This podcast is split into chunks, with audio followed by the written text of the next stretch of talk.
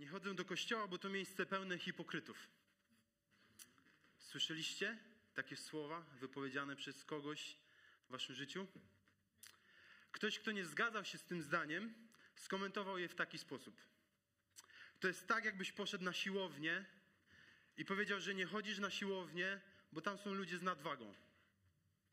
A przecież chodzenie na siłownię chodzi o bycie szczupłym i wysportowanym, więc ludzie z nadwagą to hipokryci.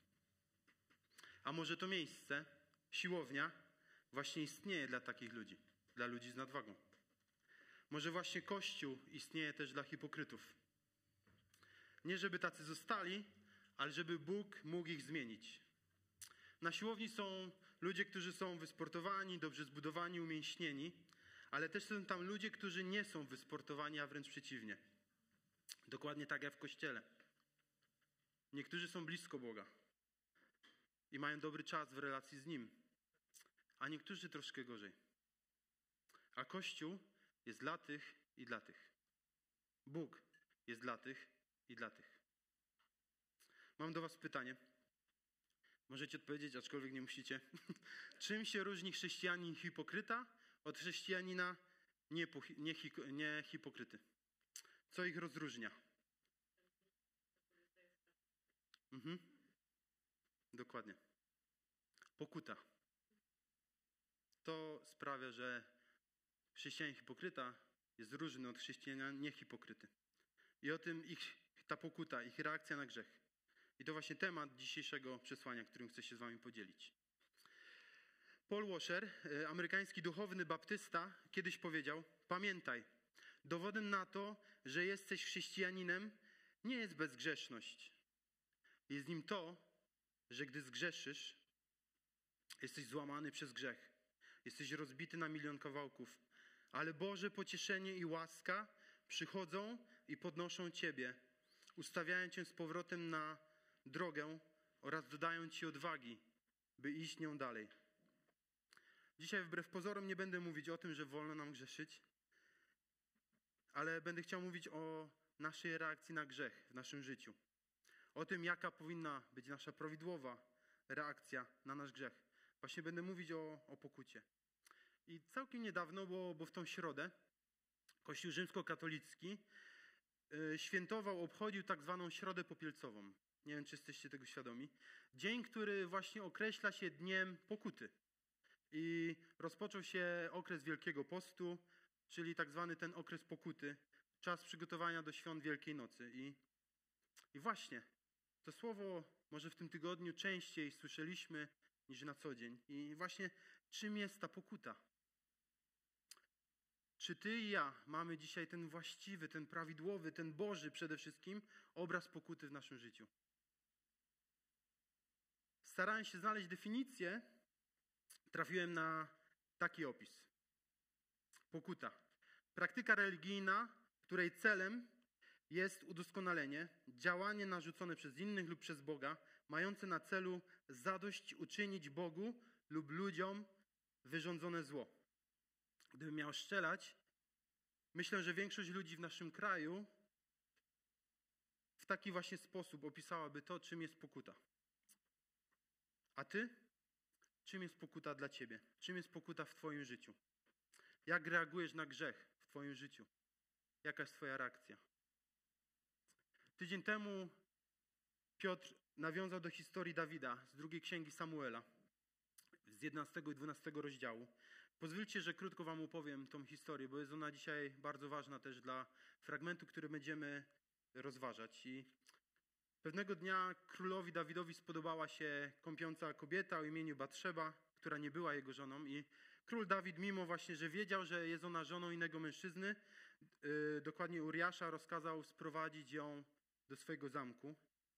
Po jakimś czasie ona urodziła dziecko Dawida. Król zamiast przyznać się do winy, to chcąc zamaskować swoje przewinienie, planuje śmierć Uriasza, wysyłając go na pierwszą linię frontu.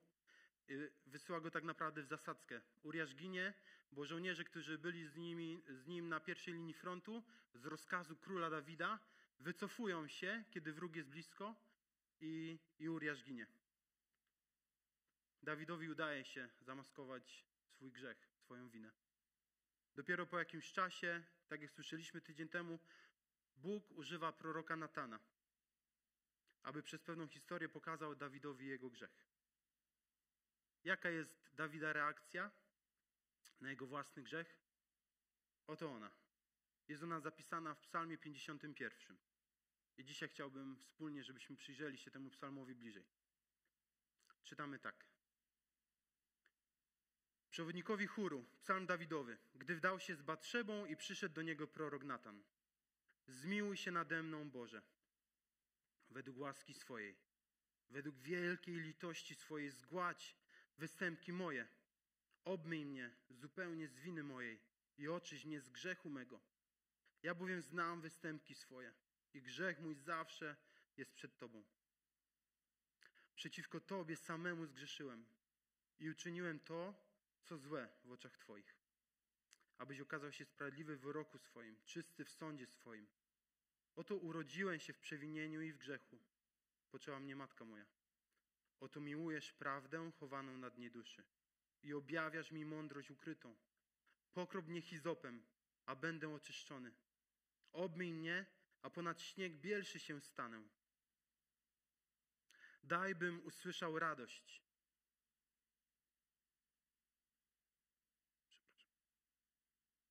Daj, bym usłyszał radość i wesele. Niech się rozradują kości, które skruszyłeś. Zakryj oblicze swoje przed grzechami moimi i zgładź wszystkie winy moje. Serce czyste stwórz we mnie, o Boże, a ducha prawego odnów we mnie i nie odrzucaj mnie od oblicza swego. Nie odbieraj mi swego ducha świętego. Przywróć mi radość z wybawienia Twego i wesprzyj mnie duchem ochoczym. Przestępców będę nauczał dróg Twoich i grzesznicy nawrócą się do Ciebie. Wybaw mnie od winy za krwi przelanie. Boże, Boże zbawienia mego. A język mój z radością wysławiać będzie sprawiedliwość Twoją. Panie, otwórz wargi moje, a usta moje głosić będą chwałę Twoją. Albowiem ofiar nie żądasz, a całopalenia, choćbym Ci je dał, nie zechcesz przyjąć. Ofiarą Bogu miłą jest duch skruszony. Sercem skruszonym i zgnębionym nie wzgardzisz, Boże. Zechciej w łasce swej dobrze czynić Synowi. Odbuduj mury Jeruzalemu. Wtedy przyjmiesz prawe ofiary, ofiary ogniowe i całopalenia. Wtedy ofiarują cielce na Twoim ołtarzu. Jak czytamy na początku, Dawid pisze ten psalm po tym, jak cudzołożył z Batrzebą i zaplanował śmierć jej męża Uriasza. Jest to jego taka reakcja na grzech. W tym psalmie za, zaprezentowany pewien proces pokuty, który miał miejsce w życiu Dawida. I dlatego też psalm ten 51 jest nazwany jednym z pokutnych psalmów w Bożym Słowie. Dzisiaj, ucząc się od Dawida, patrząc na jego reakcję, chciałbym, żebyśmy spróbowali może zdefiniować, może i na nowo, pokutę w naszym życiu. I w Psalmie 51 widzimy takie trzy jakby kluczowe w procesie pokuty etapy. I slajdy właśnie od 1, przepraszam, wersety od 1 do 9 mówią o oczyszczeniu. Mówią, Dawid modli się i mówi do Boga o oczyszczeniu. Wersety 10-14 mówią o odnowieniu. Dawid prosi Boga o to, aby odnowił go. I wersety te 15-21 mówią o tym, że Dawid pragnie się oddać służbę Bogu. Zatytułowałem to Użyj mnie. I w tej, w tej pierwszej części, w której Dawid prosi Boga o oczyszczenie, czytaliśmy, że psalmista prosi o zgładzenie jego występków, o to, aby Bóg je zgładził, te przewinienia, o których myśli, o których wie, o których ma świadomość. I następnie czytamy, że Dawid powołuje się na Bożą miłość i na Boże miłosierdzie i prosi o te obmycie, o to oczyszczenie z grzechu, który jest w jego życiu. Obmycie w tamtym czasie, słowo, które zostało użyte w tym psalmie, oznaczało obmycie z brudu, ale też zmianę ubrania w życiu człowieka i co symbolizowało tak naprawdę nowy początek. Nowy początek w życiu. I Dawid, prosząc o to oczyszczenie, właśnie też prosi Boga o ten taki nowy początek w jego życiu, żeby Bóg mu dał nowy start, żeby zgładził te wszystkie grzechy, które tak bardzo mu ciążą. I czytamy w tej pierwszej części, że Dawid ma pełną świadomość tego, co zrobił. Że zna swoje grzechy, zna swoje występki. Wie, że zgrzeszył przeciwko Batrzebie i Uriaszowi. Ale co więcej czytamy, że wie, że przede wszystkim zgrzeszył przeciwko samemu Bogu. Dawid wyznaje, czytamy, czytaliśmy, że wyznaje, że jest grzesznikiem nie tylko przez jego wybory, rzeczy, które dokonał, ale też z natury jako człowiek. I podkreśla przy tym sprawiedliwość Bożą, to, że Bóg jest Bogiem świętym. Tak jakby chciał podkreślić ten fakt, że, że Bóg nie ma z tym nic wspólnego i tak naprawdę, że gdyby Bóg się zdecydował ukarać Dawida, Bóg by miał najświętsze prawo do tego. Bo Dawid wiedział, że zasługuje na karę. I ten moment, w którym pisze ten psalm, mając świadomość swojego grzechu, nazywa mądrością, którą Bóg mu dał. Że jest to Boże objawienie, objawienie tego, co było zakryte na dnie jego duszy. Że jest to mądrość, którą Bóg dał jemu, bo nagle, kiedy miał oczy zamknięte, zaślepione, nie widział swojego grzechu. Przyszedł w jego momencie taki, w jego życiu moment, w którym nagle te oczy się otworzyły i nagle Bóg mu, dając mądrość, objawia grzech, który był w jego życiu. Na koniec tej części Dawid prosi Boga, aby pokropił go hizopem. Hizop jest to pewien krzak, który miał bardzo mocno takie owłosione gałązki i jest to bardzo wymowny obraz, bo ten hizop w Bożym Słowie symbolizuje oczyszczenie. W tamtych czasach używano właśnie gałązek tego krzewu do kropienia wodą lub krwią człowieka. Był to proces takiego ceremonialnego oczyszczenia. I kiedy Dawid używa tego obrazu, że mówi do Boga, Boże, pokrop mnie tym hizopem, on wie, on, on ma, w, ma w głowie ten obraz właśnie tego oczyszczenia, oczyszczenia krwią, tego procesu oczyszczenia, o który prosi Boga. W drugiej części Dawid prosi Boga o to, aby odnowił go, aby odnowił jego, jego życie, jego serce, jego duszę.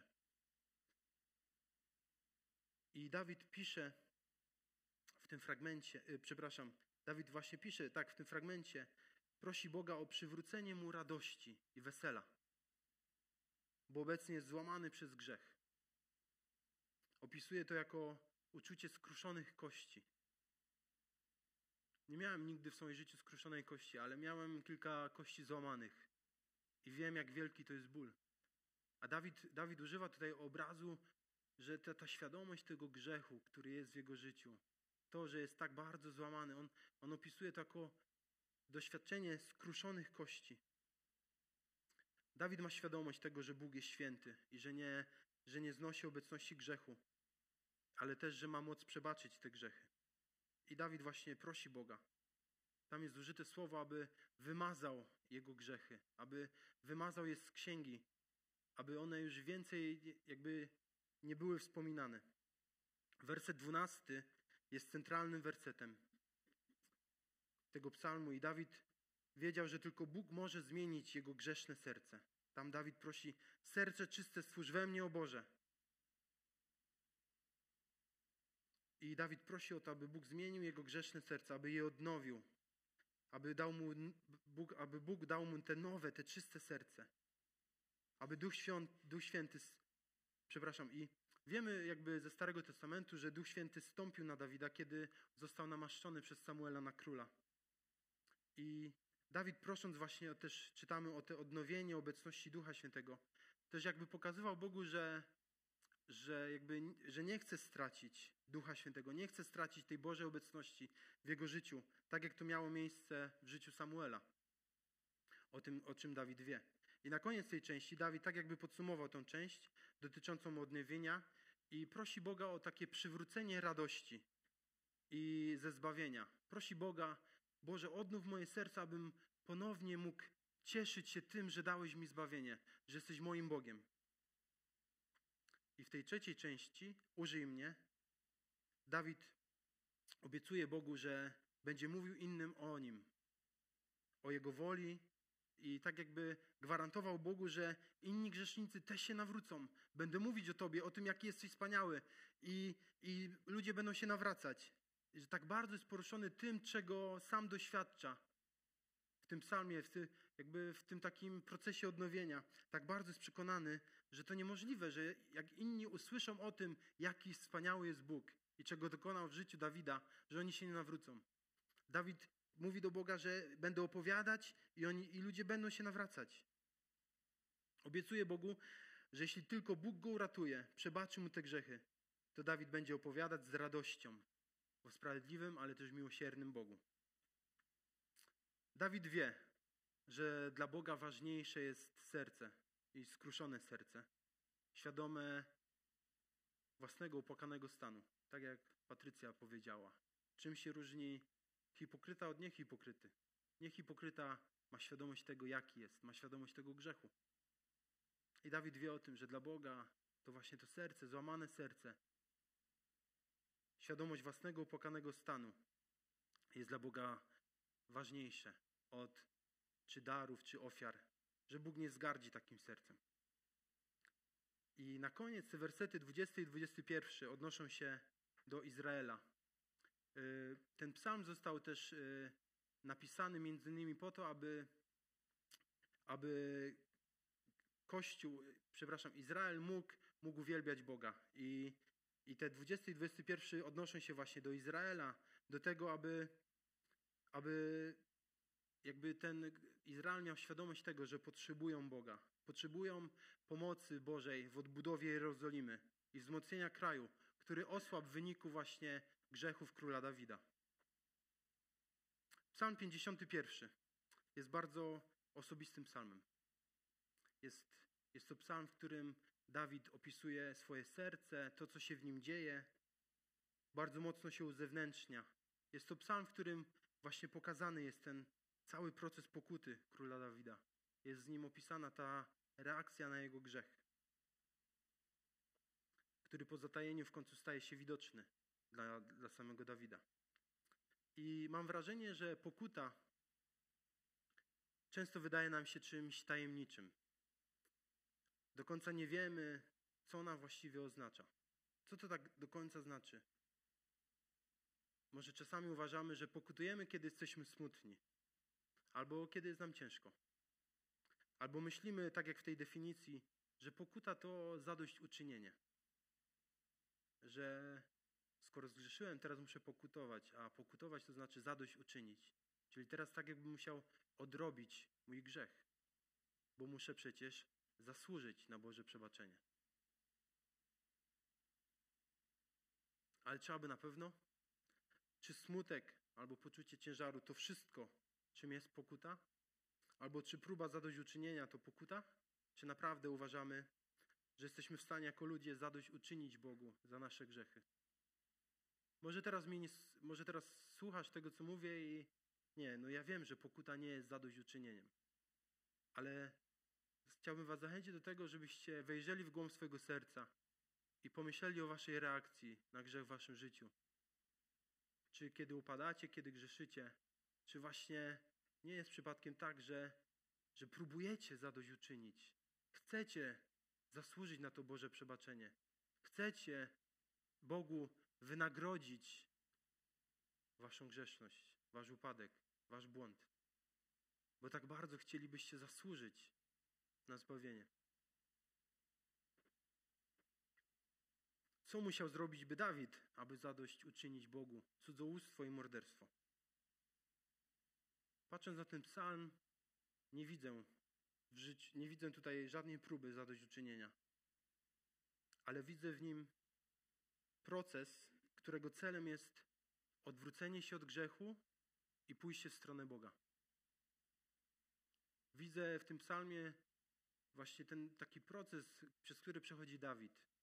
Proces, w którym on, moment, w którym on ma, ma tą świadomość, że zgrzeszyłem Boże, zgrzeszyłem przeciwko Tobie i chce się odwrócić od tego grzechu, ale też chce iść, chce zwrócić się w Twoją stronę.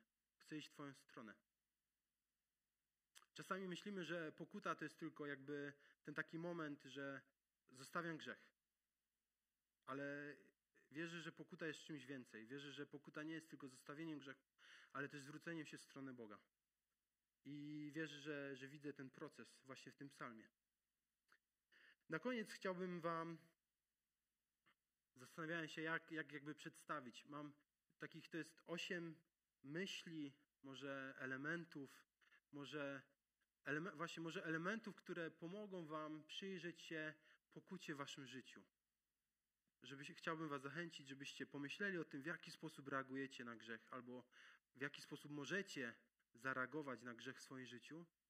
I chciałbym was zachęcić do tego, że kiedy będziecie słuchać tych ośmiu punktów, żebyście zastanowili się, czy, czy ta prawda, o której tutaj będę mówić, która jest widoczna w tym psalmie, jest obecna w moim życiu. Pierwsze jest to zdefiniuj swój grzech. W oryginale w tym psalmie są użyte trzy różne słowa opisujące grzech. Jest tam użyte słowo występki, oznaczające bunt wobec Boga i jego zasad. Drugie słowo to słowo grzech, oznaczające chybienie celu. A trzecie słowo to niesprawiedliwość. Ono oznacza niemoralne zachowanie albo zaburzenie tego, co powinno mieć miejsce. I Dawid w pierwszych wersetach używa tych trzech słów. Nie używa tylko jednego z nich, ale używa trzech słów. I, a w piątym wersecie mówi: Ja bowiem znam występki swoje. Dawid mówi, że znam te występki, wiem, co zrobiłem, wiem, w jaki sposób zgrzeszyłem. Dawid miał świadomość tego, że, że zranił wielu ludzi, że popełnił cudzołóstwo i zaplanował morderstwo, a na koniec próbował wszystko ukryć. Ale też jakby Dawid wiedział, w jaki sposób właśnie zgrzeszył. Przedwczoraj e, nakrzyczałem na moją córkę i, i bardzo szybko, tak wiem, przepraszam, i, i bardzo szybko e, jakby przyszedł Pan Bóg bardzo, bardzo szybko pokazał mi to, bo jakby podniosłem swój głos na nią i, i bardzo szybko zdałem sobie sprawę, że, że niedobrze postąpiłem, że nie miałem prawa podnieść głosu i, i tak dalej, i tak dalej. I zwróciłem się do mojej córki i przeprosiłem ją i powiedziałem, że no i mi przepraszam, że podniosłem na ciebie mój głos. Przepraszam za to, co zrobiłem. I chciałem kontynuować i z moich, z moich ust wyszło słowo ale. I chciałem jej wytłumaczyć, dlaczego tatuś to zrobił. Z jednej strony miałem świadomość tego, znałem swój grzech, ale jakby chciałem pójść dalej i wytłumaczyć sobie chyba bardziej niż jej, że że miałem prawo, albo że może ona zasłużyła. Nie wiem, bo jakby szybko się zatrzymałem i sobie przypomniałem to, o czym będę mówić. ale, ale Pan, wierzę, że jakby Pan Bóg zwrócił mi na to uwagę, że tak, że właśnie to jest to. Że, że jakby, żebyśmy, widzę w tym elemencie, Dawid miał świadomość swojego grzechu. I on ani Boga nie oskarżał, ani innych ludzi.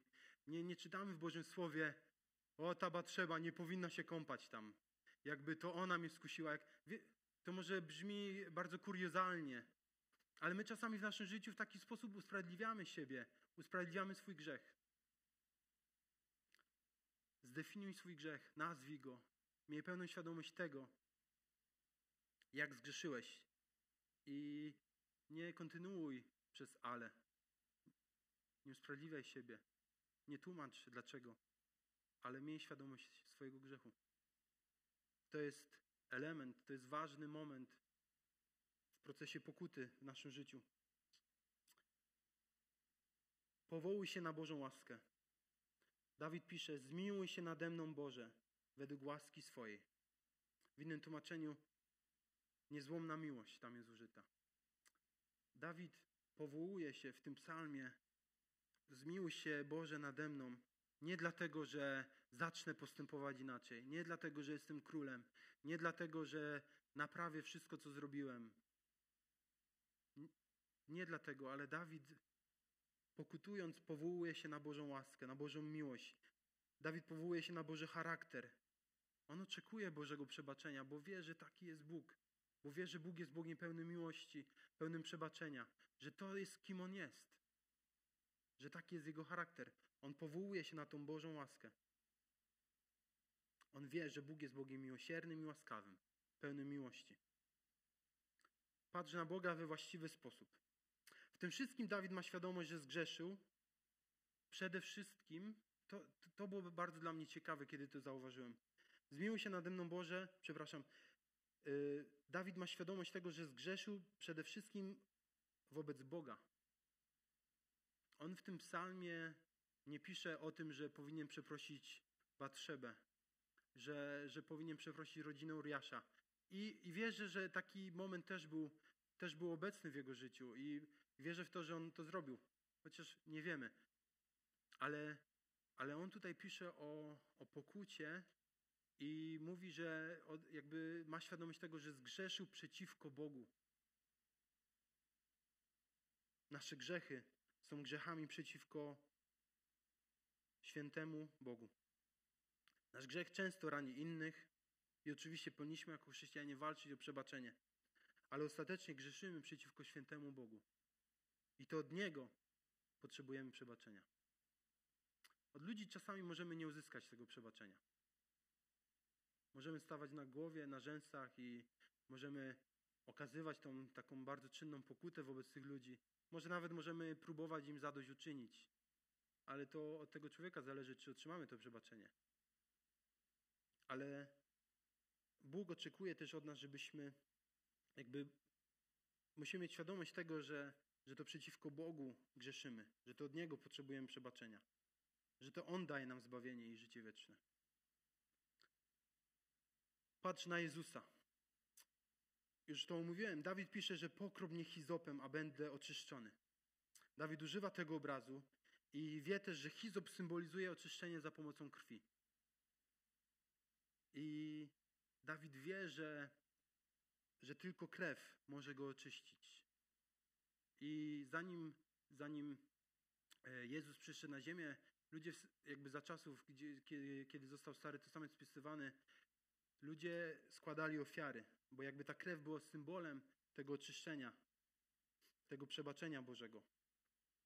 I Dawid być może nie wie, w jaki sposób to oczyszczenie ostatecznie się dokona, ale my dzisiaj żyjący wiemy, mamy pełne objawienie tego, kim jest Jezus Chrystus. I że to dzięki krwi Jezusa, Jego śmierci, dzięki temu, co Jezus zrobił na krzyżu, my dzisiaj możemy być oczyszczeni z naszych grzechów.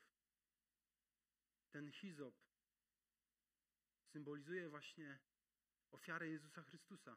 To Jego krew, to dzięki Jego krwi my dzisiaj możemy mieć przebaczenie naszych grzechów.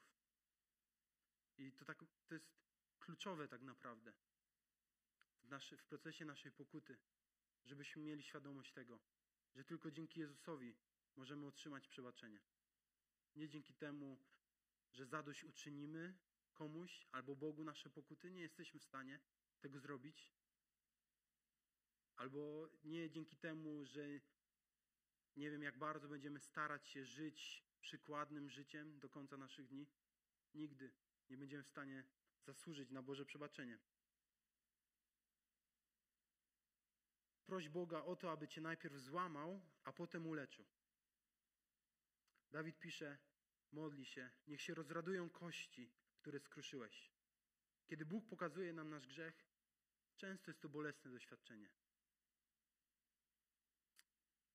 Może rzadko albo nigdy nie jest to coś przyjemnego, kiedy uświadamiamy sobie, jak grzesznymi, nieświętymi ludźmi jesteśmy. Ale czasami, tak jak lekarz musi nastawić złamaną kość, tak Bóg czasami musi nas najpierw złamać, aby mógł na nowo złożyć nasze kości, aby, mogło się zdrowy, aby mogły się zdrowo wzrosnąć.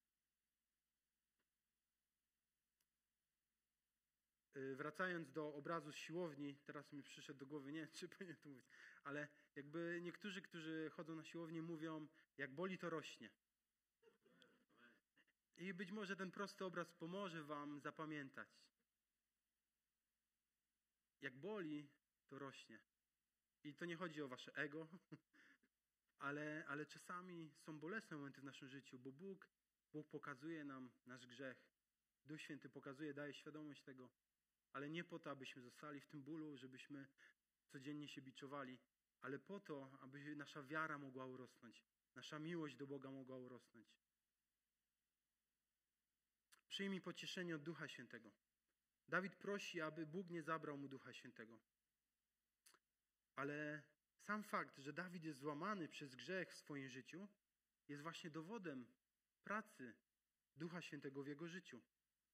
I tak samo jest z nami. Świadomość grzechu w naszym życiu jest dowodem na obecność działania Ducha Świętego w naszym życiu. Niech to będzie dla nas źródłem pocieszenia, że kiedy przychodzi ten moment, kiedy mamy świadomość tego grzechu w naszym życiu, jest to praca Ducha Świętego, który jest obecny. Raduj się i opowiadaj innym o Bogu. Dawid prosi o przywrócenie radości ze zbawienia, aby mógł innym opowiadać Bogu. Jest to bardzo ważne, bo czasami niestety robimy odwrotnie. Czasami Duch Święty pokazuje nam grzech w naszym życiu, a my zamiast pokutować, odwrócić się od tego grzechu, ale pójść w stronę Boga, radować się i opowiadać innym o tym Bożej miłości, Bożym przebaczeniu, którego doświadczyliśmy, tkwimy w naszym grzechu. Uciekamy od Boga, wstydzimy się do Niego przyjść, a nawet czasami wstydzimy się pójść do innych wierzących. Wycofujemy się ze służby, wycofujemy się ze społeczności. Nie wiecie, ile razy. To jest, to jest moja słabość, ale czę, często, może ciężko określić często. Czasami w moim życiu bywa taki moment, że kiedy, kiedy jest taki czas, gdzie upadam i czasami właśnie zamiast pokutować w ten taki Boży sposób, czyli odwrócić się od mojego grzechu, ale też pójść od razu do Boga, przyjąć Jego przebaczenie, Jego pocieszenie i radość, która poprowadzi mnie właśnie do Kościoła, która będzie mnie prowadzić do tego, abym innym opowiadał, jaki jest Bóg, abym innym opowiadał, jak wielkiej miłości doświadczyłem, abym też poszedł poza Kościół i służył innym. Czasami niestety robię zupełnie odwrotnie. I ta świadomość mojego grzechu zamyka mnie w domu. Wycofuję się ze służby, wycofuję się z innymi z relacji z innymi wierzącymi. Kiedy mogę służyć, odmawiam albo wymyślam jakieś inne, bardziej duchowe powody. Raduj się i opowiadaj innym Bogu. To powinna być nasza reakcja na, na, Boże, na Boże przebaczenie. Zamiast, czasami zamiast przyjąć te Boże przebaczenie, które poprowadzi nas do radości w naszym życiu, wybieramy poczucie oskarżenia i wstyd. Są to rzeczy, które nie są od Boga. Świadomość Bożej miłości i przebaczenia powinna być dla nas źródłem tej radości. I to ona powinna nas prowadzić do dzielenia się Ewangelią z innymi ludźmi, do służenia w Kościele. Właśnie ta świadomość Bożego przebaczenia i radość wypływająca z niej. Dawid bardzo pewny, bardzo, jest bardzo pewny w tym psalmie. On, on pisze, że Boże, jeżeli mnie wybawi, jeżeli jakby przebacz mi, oczyść mnie, odnów mnie i użyj mnie. Ja będę mówić innym Bogu i ludzie będą się nawracać. Ja będę, pójdę pełen radości z Twojego przebaczenia. I ja wiem, że ludzie będą się nawracać. I ostatni element, złota rada, jakkolwiek to nazwiemy. Zdecyduj się być posłusznym. Możemy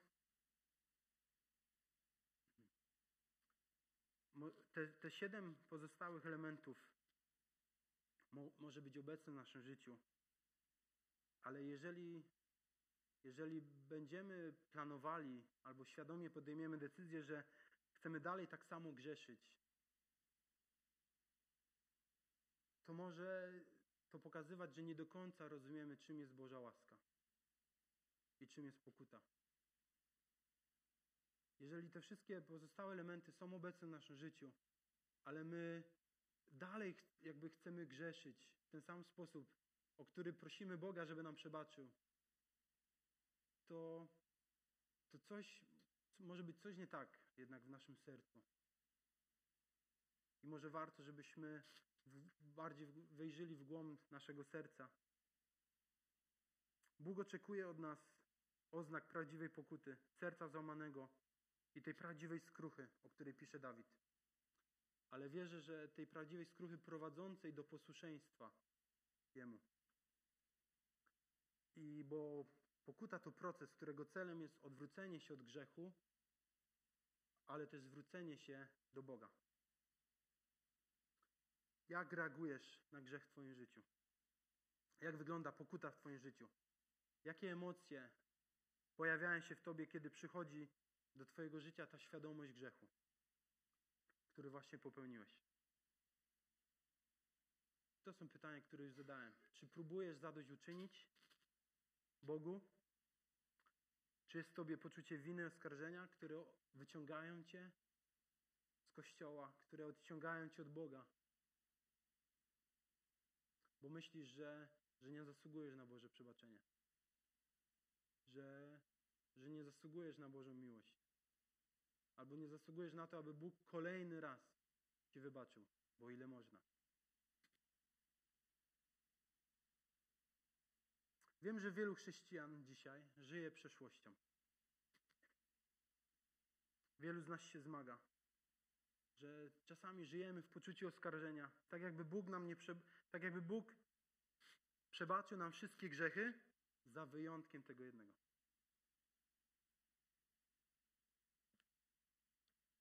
Jaki grzech dzisiaj ciąży na tobie?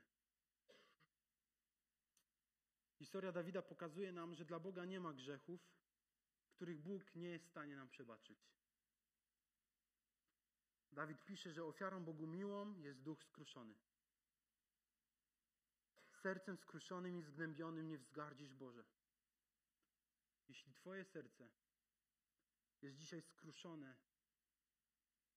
i zgnębione grzechem w Twoim życiu, jeśli jesteś gotowy odwrócić się od grzechów i zwrócić się do Boga, Boże przebaczenie jest dzisiaj dla Ciebie.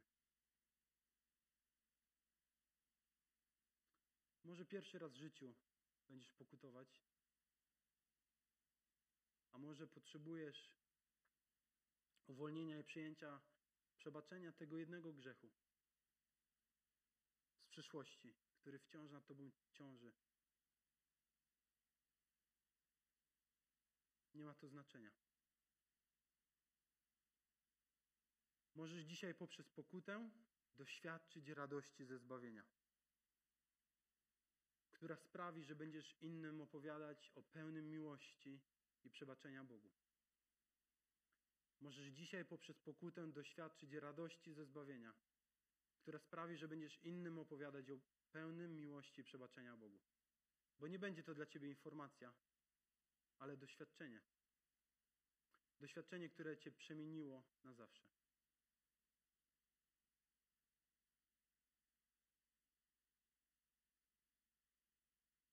Amen. Chcielibyśmy powstać do modlitwy. Zachęcam do, tak jak słyszeliśmy wcześniej, też do dziękowania Bogu za to, jaki jest.